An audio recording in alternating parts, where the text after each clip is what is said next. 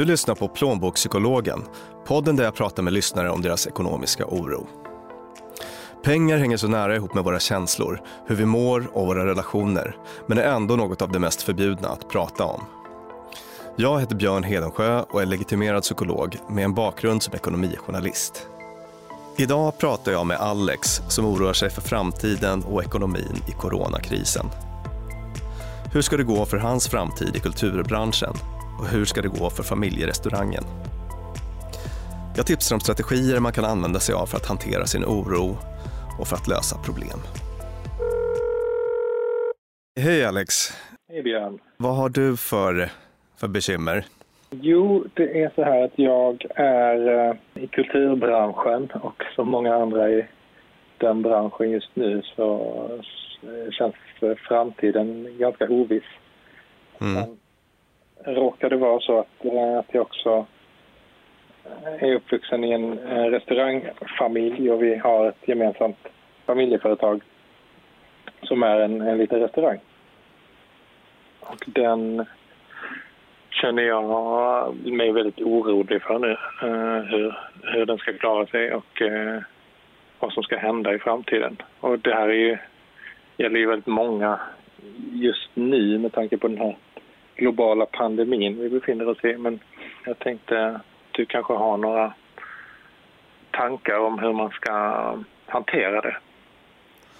Ja, ja det har jag. Jag ska börja med att säga att det låter jobbigt att, att eh, du har verkligen hamnat mitt i eh, det här allra, allra jobbigaste. Och eh, sen ska jag säga att du är inte ensam, utan det finns, det finns nog inte en enda person där ute som, som inte delar eh, din oro just nu i det här väldigt liksom, ovissa och osäkra läget.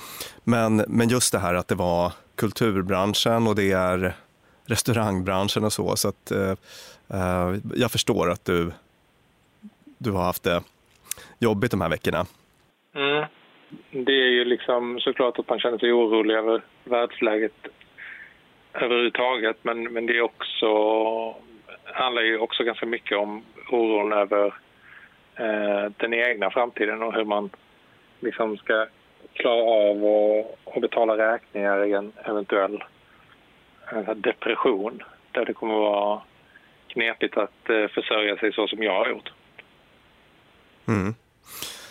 Och hur är det med den här oron? Går du runt med den? Ligger den och puttrar hela tiden? Jag tror att jag kanske är ganska bra på att eh, slå bort den faktiskt. Men, men att den eh, ligger någonstans eh, i bakhuvudet hela tiden. Men eh, jag tror att, att det yttrar sig på så sätt att jag kanske tänker efter lite mer och funderar väldigt mycket på strategier och möjligheter att, eh, att lägga om mitt liv helt enkelt. Mm. Vi ska återkomma till den, eh, till den processen och se hur vi kan göra det bästa möjliga av det. Jag tänkte vi ska prata lite bara om, om rädsla som det faktiskt är eh, som det handlar om här och som jag tror att mm. som sagt nästan alla där ute känner på, på ett eller annat sätt rädsla, ångest och oro. Man kan säga att det är kroppens och hjärnans larmsystem som varnar oss för att något är fel. Och det kan ju vara jättebra då i akuta situationer. Det kan få oss att, att agera. I, I den här krisen har det handlat om sådana saker som att man kanske läser på och uppdaterar sig om läget eller att man blir mer noggrann med sin handhygien och att man verkligen ser till att liksom, agera på ett sätt som är som är bra. Men det är också lätt så att rädslan tar över. För att rädsla är lite av en känsla som tenderar att trumfa andra saker. Ibland kan det till och med liksom ta över så, så mycket att vi, vi tappar förmågan till att eh, resonera rationellt. Det blir som ett orosmoln som snurrar runt i, i huvudet. Och eh, ett sätt att, att hantera ovisshet och, och eh, oro är att man liksom undviker det lite, låtsas som att det regnar. Vilket kan vara problematiskt på, på sitt sätt. Eller ska det bli så att vi försöker skaffa en känsla av kontroll eh, och eh, lägger väldigt mycket tid till exempel på att informera oss. Eh, säg till exempel att man följer börskurserna lite maniskt för att hålla reda på hur det går med ens sparande. För att det ger en, en liksom kortsiktig känsla av kontroll. Men på sikt så kan det där liksom kontrollbeteendet eller undvikande beteendet ställa till det för oss på, på olika sätt. Känner du igen dig i någon av de, de två strategierna? Ja, men kanske lite i båda faktiskt. Eh, alltså, å ena sidan så är jag verkligen så att jag eh, eh liksom, jag har absolut inte gått in på mitt fondkonto nu sen eh, hela den här eh, nedgången på börsen började hända. Eh, för att det vill jag inte ens tänka på.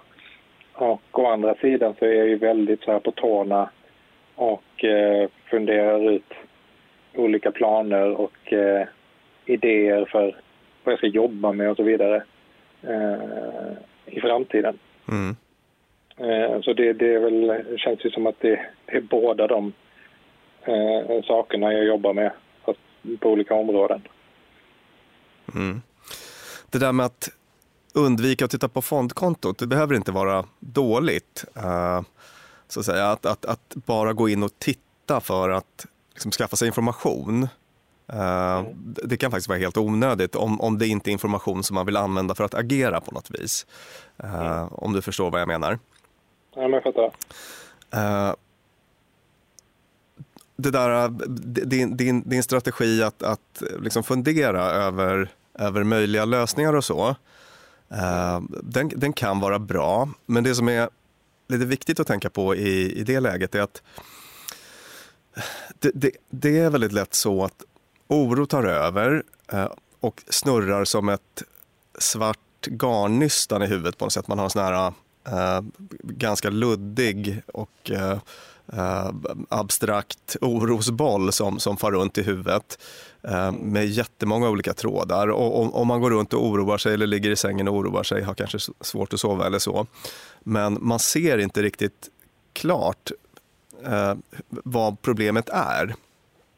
Och då kan det då kan det hjälpa att försöka få det där liksom ut ur huvudet och, och, och uh, faktiskt omsätta sin oro i ett agerande ute i, i verkliga världen. Kan du känna igen den här bilden av att, att, att oron kan vara som ett, ett oformligt svart moln på något vis som man inte riktigt får grepp om men som ändå är där och skaver? Jo men absolut och det är väl det, det att man inte får grepp om det skapar väl ytterligare oro eller så känner jag i alla fall. Mm. Att man, man liksom ju längre man går och liksom nöter på ett problem utan att hitta en lösning för man kanske inte ens vet vad frågan är. Eh, ju, ju mer obehaglig till mods kan man känna sig. Så, så känner jag. Just det. Visst, det där tycker jag, jag tycker du beskrev det väldigt fint där. Och det kan också vara så att, att man på ett sätt känner att man gör lite nytta på kort sikt när man oroar sig. För då tänker man att nu tar jag mig an det här problemet. Uh, jag, jag problemlöser. Uh, man har, kanske har en sån idé. Men i själva verket så, så, eftersom man inte har en riktigt tydlig idé om vad problemet är, utan det är det här uh, lite luddiga molnet, så, så mm. är det liksom samma tankelopar som går varv på varv utan att man egentligen kommer framåt. Så att jag tänker en bra övning i, i, i det läget för, för, för, dig och för andra i samma situation, det är att man ska försöka liksom sortera lite i det där orosmolnet och försöka skilja sånt som är liksom oundvikliga faktum, sånt som man gör bäst i att acceptera egentligen, och vad som är sånt som man faktiskt kan agera på och göra någonting åt. För att det där brukar vara ganska otydligt. Hur eh, lyckas man bena ut det? Finns det någon strategi? En sak som man faktiskt kan göra, det att, som, som många brukar tycka är hjälpsamt, det är om man faktiskt sätter sig med, med, med papper och penna och eh, försöker kolla vad är, vad är det som jag kan göra någonting åt i den här situationen. Eh, så att det som är faktum, som inte går att undvika, att eh, det här coronaviruset faktiskt finns och kommer att ställa till det för oss på, på en eh, obestämd tid. Eh, det är sådana faktum då som man faktiskt behöver acceptera och, och det kan vara ganska svårt att göra. Det, det, det, det är inte nödvändigtvis en, en lätt sak. Men vi gör oss själva en tjänst om vi öppnar upp för det som är oundvikligt. Så att, nu sitter vi då i den här situationen där vi inte vet om eh, liksom hur det här viruset kommer påverka oss på sex månaders sikt, tio månaders sikt eller ett års sikt. Och det är ju väldigt svårt att vara i den ovissheten. Kan du hålla med om det? Jag kan tycka både och där. Att det finns eh, liksom någon, någonting större som tar tag i, i ens liv. Jag kan inte hjälpa att känna att det också är rätt skönt mm. att, att uh, uppleva att det finns faktiskt inte saker, alltså det finns saker jag inte kan göra någonting åt här. Mm.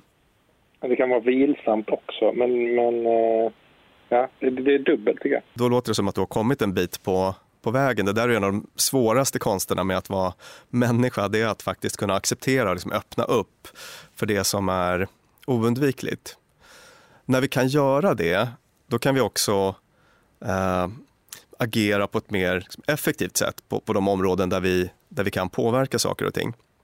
När vi inte försöker liksom förvränga eller undvika verkligheten som den är, utan när vi ser verkligheten som den är, då får vi också bättre förutsättningar att faktiskt eh, agera på ett sätt som är, som är bra och i den riktning som vi, som vi vill och behöver. Så att man accepterar och funderar på vad kan man göra i den här situationen? Vad kan jag påverka med, med de steg jag själv tar här i, här i världen? Och det, det, jag tror det är där min oro liksom kommer in Eh, när, när det gäller de, ens faktiska möjlighet eh, så att säga att, att ändra på saker. Eh, jag tror jag kanske inte är ensam om att, att känna så här att eh, jag står och liksom försöker stånga mig blodig för att eh, lösa eh, en situation som har uppstått. Eh, ja, till exempel då om jag inte vet eh, hur min försörjning ser ut framöver. Och att det liksom leder mig ner i en, en så att säga, nedåtgående spiral. Mm. För att det är väldigt svårt att hitta praktiska lösningar i vissa lägen. Till exempel en, en, en global ekonomisk kris. Jag, jag tycker det är svårt att, att liksom i sådana lägen se möjligheter. Jag ser bara att eh, man kan lika gärna ge upp. Hela den här liksom, pandemin och krisen eh, känns för mig lite som ett eh, potentiellt svart hål som man bara kan Eh, ja, fastna i. Ja, och jag tror att jättemånga känner igen sig i den känslan, i, i den beskrivningen. Eh, en ovisshet. Så. Men eh, om den här pandemin leder till en global depression eller recession, om vi nu ska sortera, sortera lite, är det någonting som du kan påverka? Det är inte, men någonstans kan jag väl påverka min egen situation mm. och mitt mående. Mm. Absolut. Så att eh, om man släpper det här långa perspektivet, nu, nu tänker jag att vi ska försöka att, att um, komma ner på den här konkreta nivån. Vad, du skulle, vad skulle du kunna göra idag för att ta dig an det här problemet? Om vi ska våga oss på att definiera problemet så är väl det någonting i stil med hur kan jag bäst trygga min försörjning? Eh, precis, hitta en en rimlig framtid i, i den här ovissheten. Är det, är det rätt uppfattat att oron krets, kretsar ganska mycket kring, mm, mm. kring långsiktig försörjning? Jag tänker, uh, det finns ju ganska mycket nu som man, som man kan göra. Den, som sagt, den, kan, den blir lätt förlamande den här oron. Den tar över. Mm. Den gör att vi liksom undviker saker eller får ett väldigt starkt kontrollbehov så att vi liksom snör in på någon grej. Eh, samlar in information om saker och kanske fastnar i det utan att egentligen eh, lösa några problem. Eller så blir det så att vi liksom passiviseras, eh, ligger i sängen och grubblar, upplever att vi problemlöser men, men eh, det är bara samma loop som snurrar i huvudet. Eh, så att nu har vi varit inne lite grann på det här med att liksom sätta sig ner, försöka definiera problemet, brainstorma lösningar. Eh, jag tänker om man har en omedelbar oro för, för ekonomin så till exempel söka amorteringsfrihet eh, hos, hos, hos banken om, om man har en sån här oro som handlar om hur, hur ska jag hantera min privatekonomi närmaste månaderna som det ju är för många. Mm. Eh, har du den typen av oro också? Eh, ja, alltså det har slått mig. Vi pratade häromdagen om att eh, om man skulle binda lån och så vidare. Så det är ju, eh, handlar ju om precis den typen av grejer. Just det. Eh, där man vill ha översikt. Mm. Jag såg också där att man kan få frysa sina amorteringar om man vill. Mm.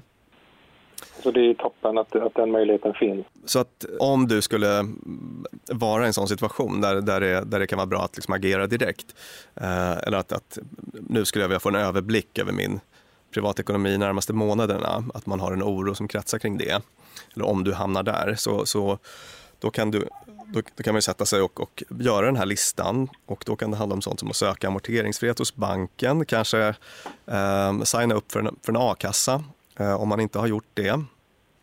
Mm. Um, häromdagen kom det ett eh, småföretagarpaket från, från regeringen också med tillfälligt sänkta arbetsgivare och egenavgifter, uh, anstånd på momsinbetalningar, statlig lånegaranti och ändrade, ändrade regler för hur företag kan, kan vara vilande och så. En, en liksom rad olika grejer. Och, och, det är typiska exempel på sådana här liksom, konkreta praktiska saker som, som, som man kan liksom lista på det här pappret saker jag kan påverka. Jag skulle kunna ansöka om det här. Eh, det är sånt steg jag kan ta i världen just nu för att förbättra situationen. Eh, ett liksom utmärkt sätt att bryta den här eh, orosloopen och också samtidigt liksom lösa verkliga problem som man själv har möjlighet att, att, att påverka. Där har man faktiskt någonting som man, som man kan kontrollera lite grann. Men eh, om man känner att eh, det skulle vara skönare att, att bara stoppa huvudet i sanden. Mm. Eh, när det kommer till lån och sådana grejer så, så kan jag verkligen känna så att ja, men det här löser sig. Jag orkar inte göra någonting åt det nu. Jag får bara lita på att det kommer att bli bra. Så hur, eh, jag inser också att eh, det kan inte alltid är en toppenstrategi utan att det kan vara rätt smart att åtminstone ha har tagit ett eh, beslut mm. kring de här grejerna. Eh, ett, ett informerat, gör ett informerat val. Liksom. Men hur, hur tar man sig ur den problematiken med liksom, Just det. man känner sig handlingsförlamad? Precis. Och där Ja, antingen kan det ju vara så att, att det här med lånen inte är något stort bekymmer som egentligen inte behöver så mycket uppmärksamhet just nu. Eh, det kan ju vara på det sättet och då är det egentligen problemfritt. Om det är så att den här, eh, det här undvikandet gör att om den här tanken återkommer eller gnager att jag borde egentligen kolla mina lån. Du kanske ligger där i sängen på kvällen Mm. Och, och så, så, dyker den här tanken upp, jag borde kolla mina lån. Nej, mm. och, jag struntar i det. Alltså att du aktivt försöker undvika. Det, det brukar inte vara någon bra strategi. Det, det brukar tendera att öka oron eh, på sikt. Just det. Eh, för att eh, du, du, blir liksom inte av med det utan det blir som en liten eh, orosboll som, som växer eh, och blir värre. Så att, nästa... Men det kan jag verkligen känna igen mig mm. Eh, samtidigt så, så, känner jag ju många människor som är eh, väldigt mycket på tårna hela tiden och alltid eh, alltså fixar problem, kanske ibland till och med innan de har uppstått. Just det. Och det verkar också väldigt jobbigt att, att leva så, om du förstår vad jag menar. Ja. Uh... Två ytterligheter som har sina nackdelar båda två. Precis, och det fina är ju att man måste inte vara det ena eller det andra, utan, utan det finns en liksom bra, en bra balans där egentligen. Att, att eh, om man är en sån person som tenderar att liksom undvika, om man har en undvikande strategi eh, för att hantera sin oro och för att hantera ovisshet, så att man låtsas som att det regnar. Eh, ja, men då, då, då, då får man om man har en sån tendens, då får man, då får man öva på att liksom gå emot det. Eh, och kanske, precis så som du beskrev så fint, sätta sig ner, läsa på om de här lånen. Det kanske räcker med ett enda samtal till, till sin eh, eh, telefonbank eller så och prata med någon handläggare där och så får man överblick och så kan man lösa problemet. Fatta ett informerat beslut som du sa eh, om hur man ska göra med lånen. Och, och då är det då, då har man liksom gått emot den här liksom undvikande tendensen och, eh, och får också ett positivt utfall av det och lär sig att, att, att det kan vara, vara bra att faktiskt göra tvärtom. Om man har den här kontroll...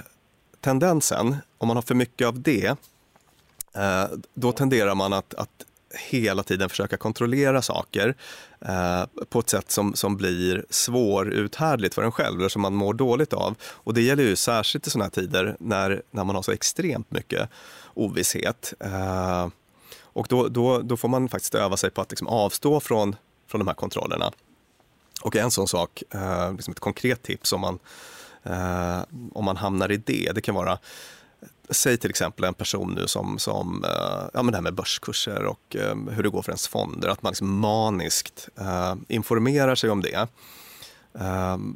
det ger en kortsiktig känsla av kontroll. Varje gång man går in och kikar på kurserna så känner man att man har koll på läget. Och problemet då är att den här typen av beteenden som, som är sköna för oss på kort sikt, eh, de här mikrobelöningarna som man får när man ägnar sig åt den typen av kontrollbeteenden, de gör att vi tenderar att göra mer och mer och mer av det här beteendet. Men vi mår ganska dåligt på en sån informationsdiet. Vi blir liksom väldigt... Eh, eh det håller liv i oron. Då, då är det faktiskt bättre att, att liksom sätta upp lite, lite regler för sig själv.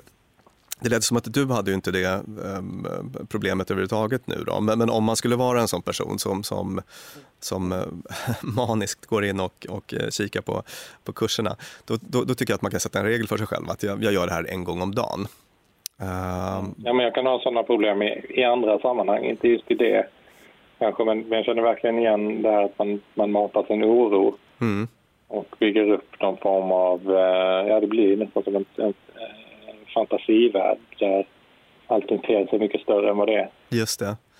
Det, det, här är, det är ju djupt mänskligt och, och vi ägnar oss alla åt den här typen av både undvikanden och liksom kontrollstrategier då för att hantera oro. Men man får försöka inta ett sånt här helikopterperspektiv. Det kan vara svårt, men man får försöka göra det och se hur man påverkas av de här äh, beteendena. Eh, till exempel då att, att eh, ja, men nu, nu har jag eh, gått in och kikat på mina fonder Eh, 150 gånger idag och jag har inte agerat på något sätt utan jag har bara gått in och skaffat mig information och det har gjort mig grinig, det har gjort att jag har bråkat med min partner, det gör att jag nu ligger och har svårt att sova för att jag har inte varit inne och kikat på en halvtimme och undrar hur eh, USA-börsen går.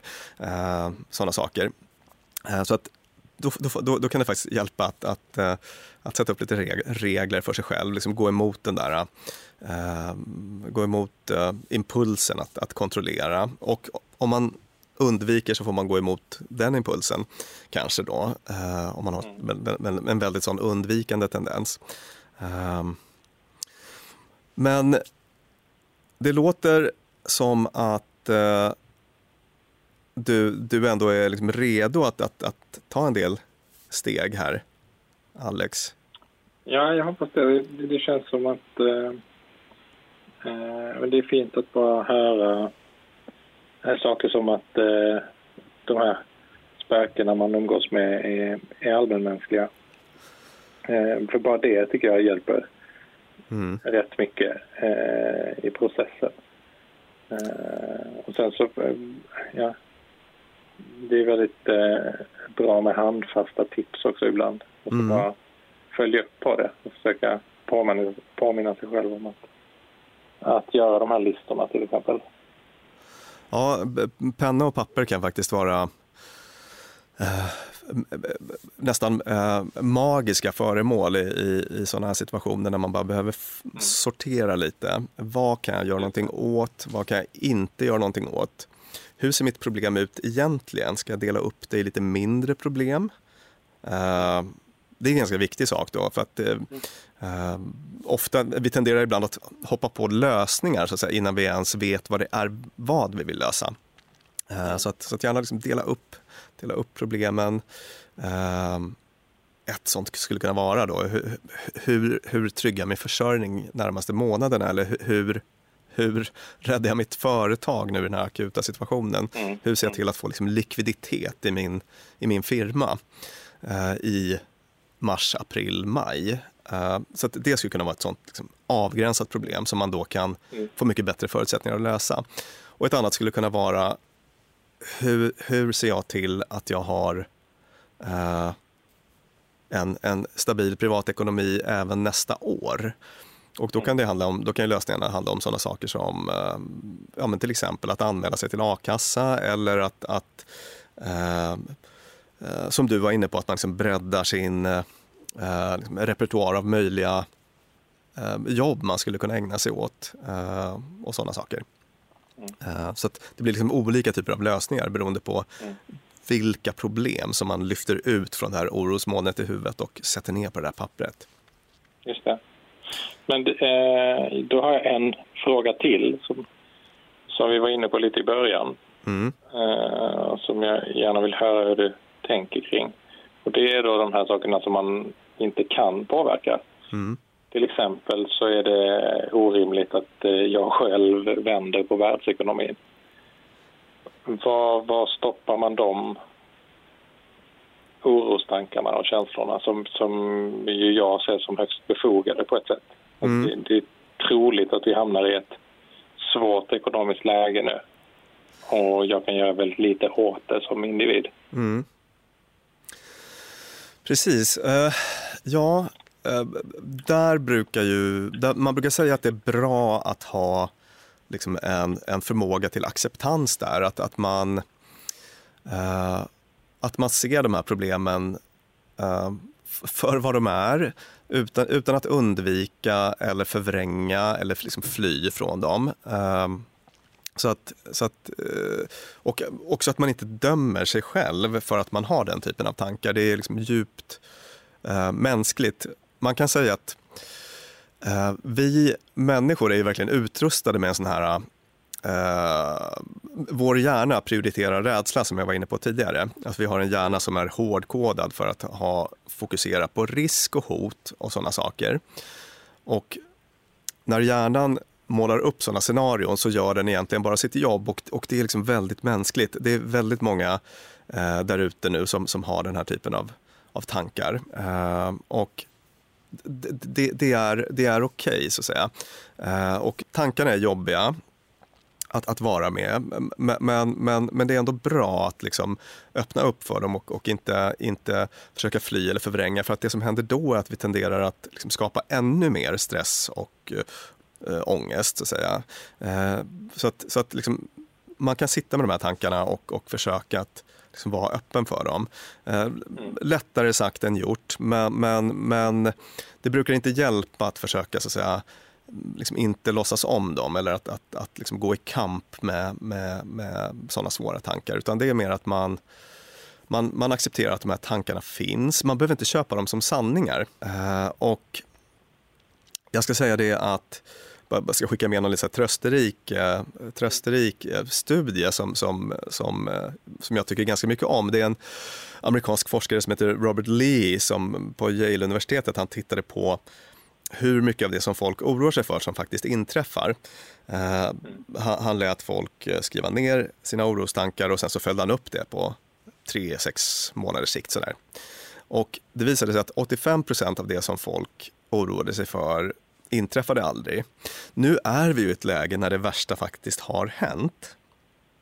Just det. Eh, så att ibland blir det ju så. Ibland så, så, så blir det ju skräp av allting. Men då fanns det en annan fin del i den här studien som, som visade att när folk faktiskt råkade ut för någonting, när det faktiskt blev så illa som folk hade tänkt, det inträffade i 15 procent av fallen, så visade det sig att det nästan alltid gick bättre att hantera än vad folk hade trott.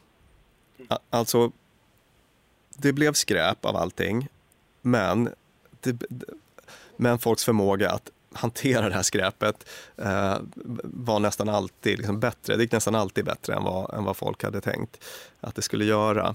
Så att eh, det är helt naturligt i den här situationen att, att liksom leva med pessimistiska scenarion och så. Eh, men, men eh, det, det, är, det är den här riskhjärnan som, som gör sitt jobb. Och, Eh, och det är klart, det, det, det är bra att, att vara liksom beredd på, på, på, svåra situationer, men då, då, då är det liksom bättre att fokusera på sånt som man faktiskt kan påverka själv. Man kan också hjälpa sig själv om man märker att man har om man har någon typ av sån här orosloop kring någonting som man inte kan påverka överhuvudtaget. Säg att du eh, verkligen kör fast i tankar kring världsekonomin. Eh, att du funderar på hur den ser ut om ett år, om vi är på väg in i någon slags global depression eller så. Och, och det här liksom vevas som en, som en liten filmsnutt i huvudet ständigt och jämt på ett sätt som hindrar dig kanske i liksom relation till familjemedlemmarna, att du går runt och blir grinig, får svårt att sova eller om det påverkar ditt liv starkt negativt.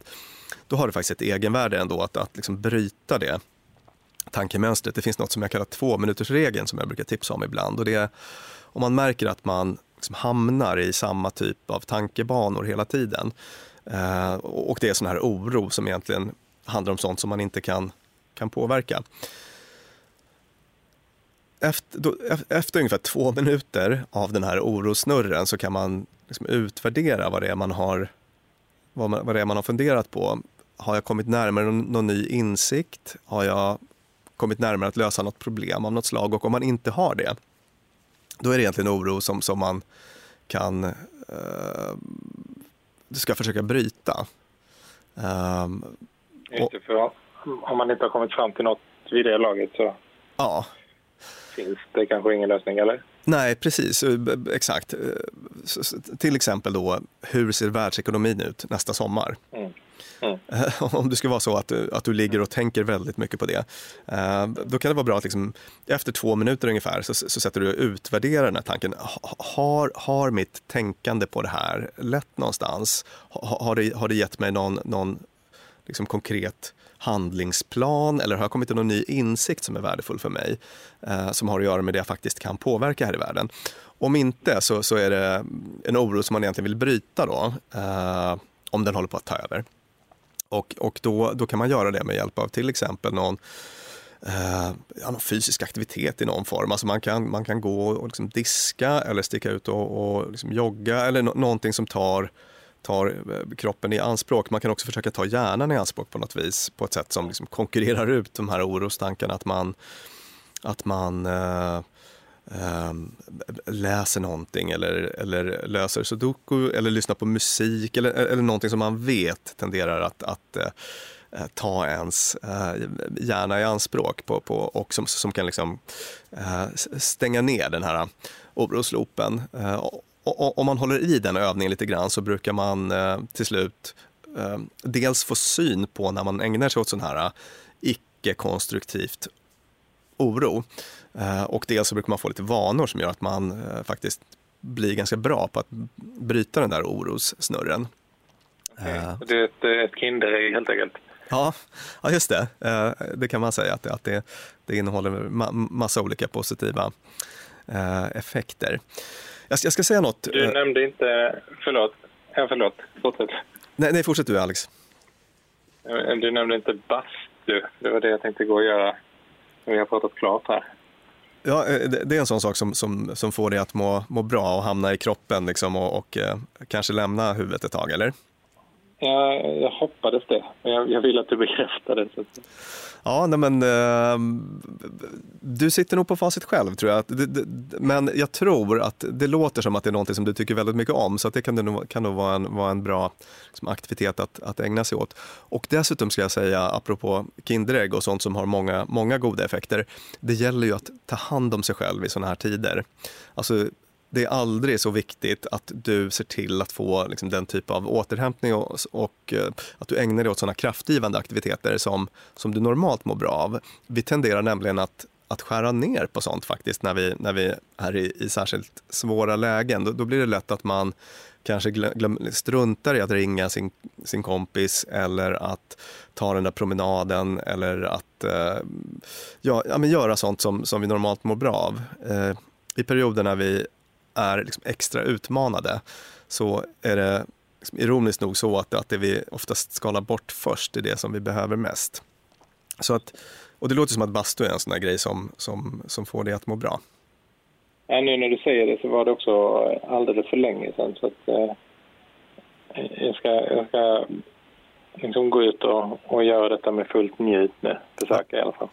Det är dig väl unt, Alex.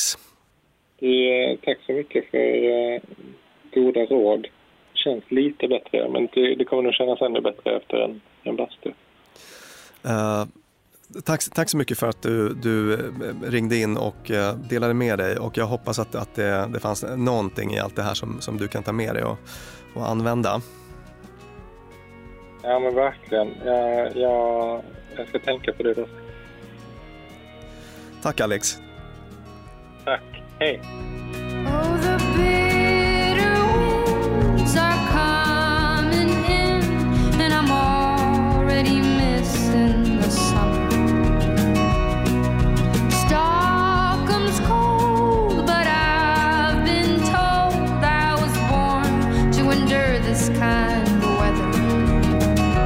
Du har lyssnat på Plånbokspsykologen.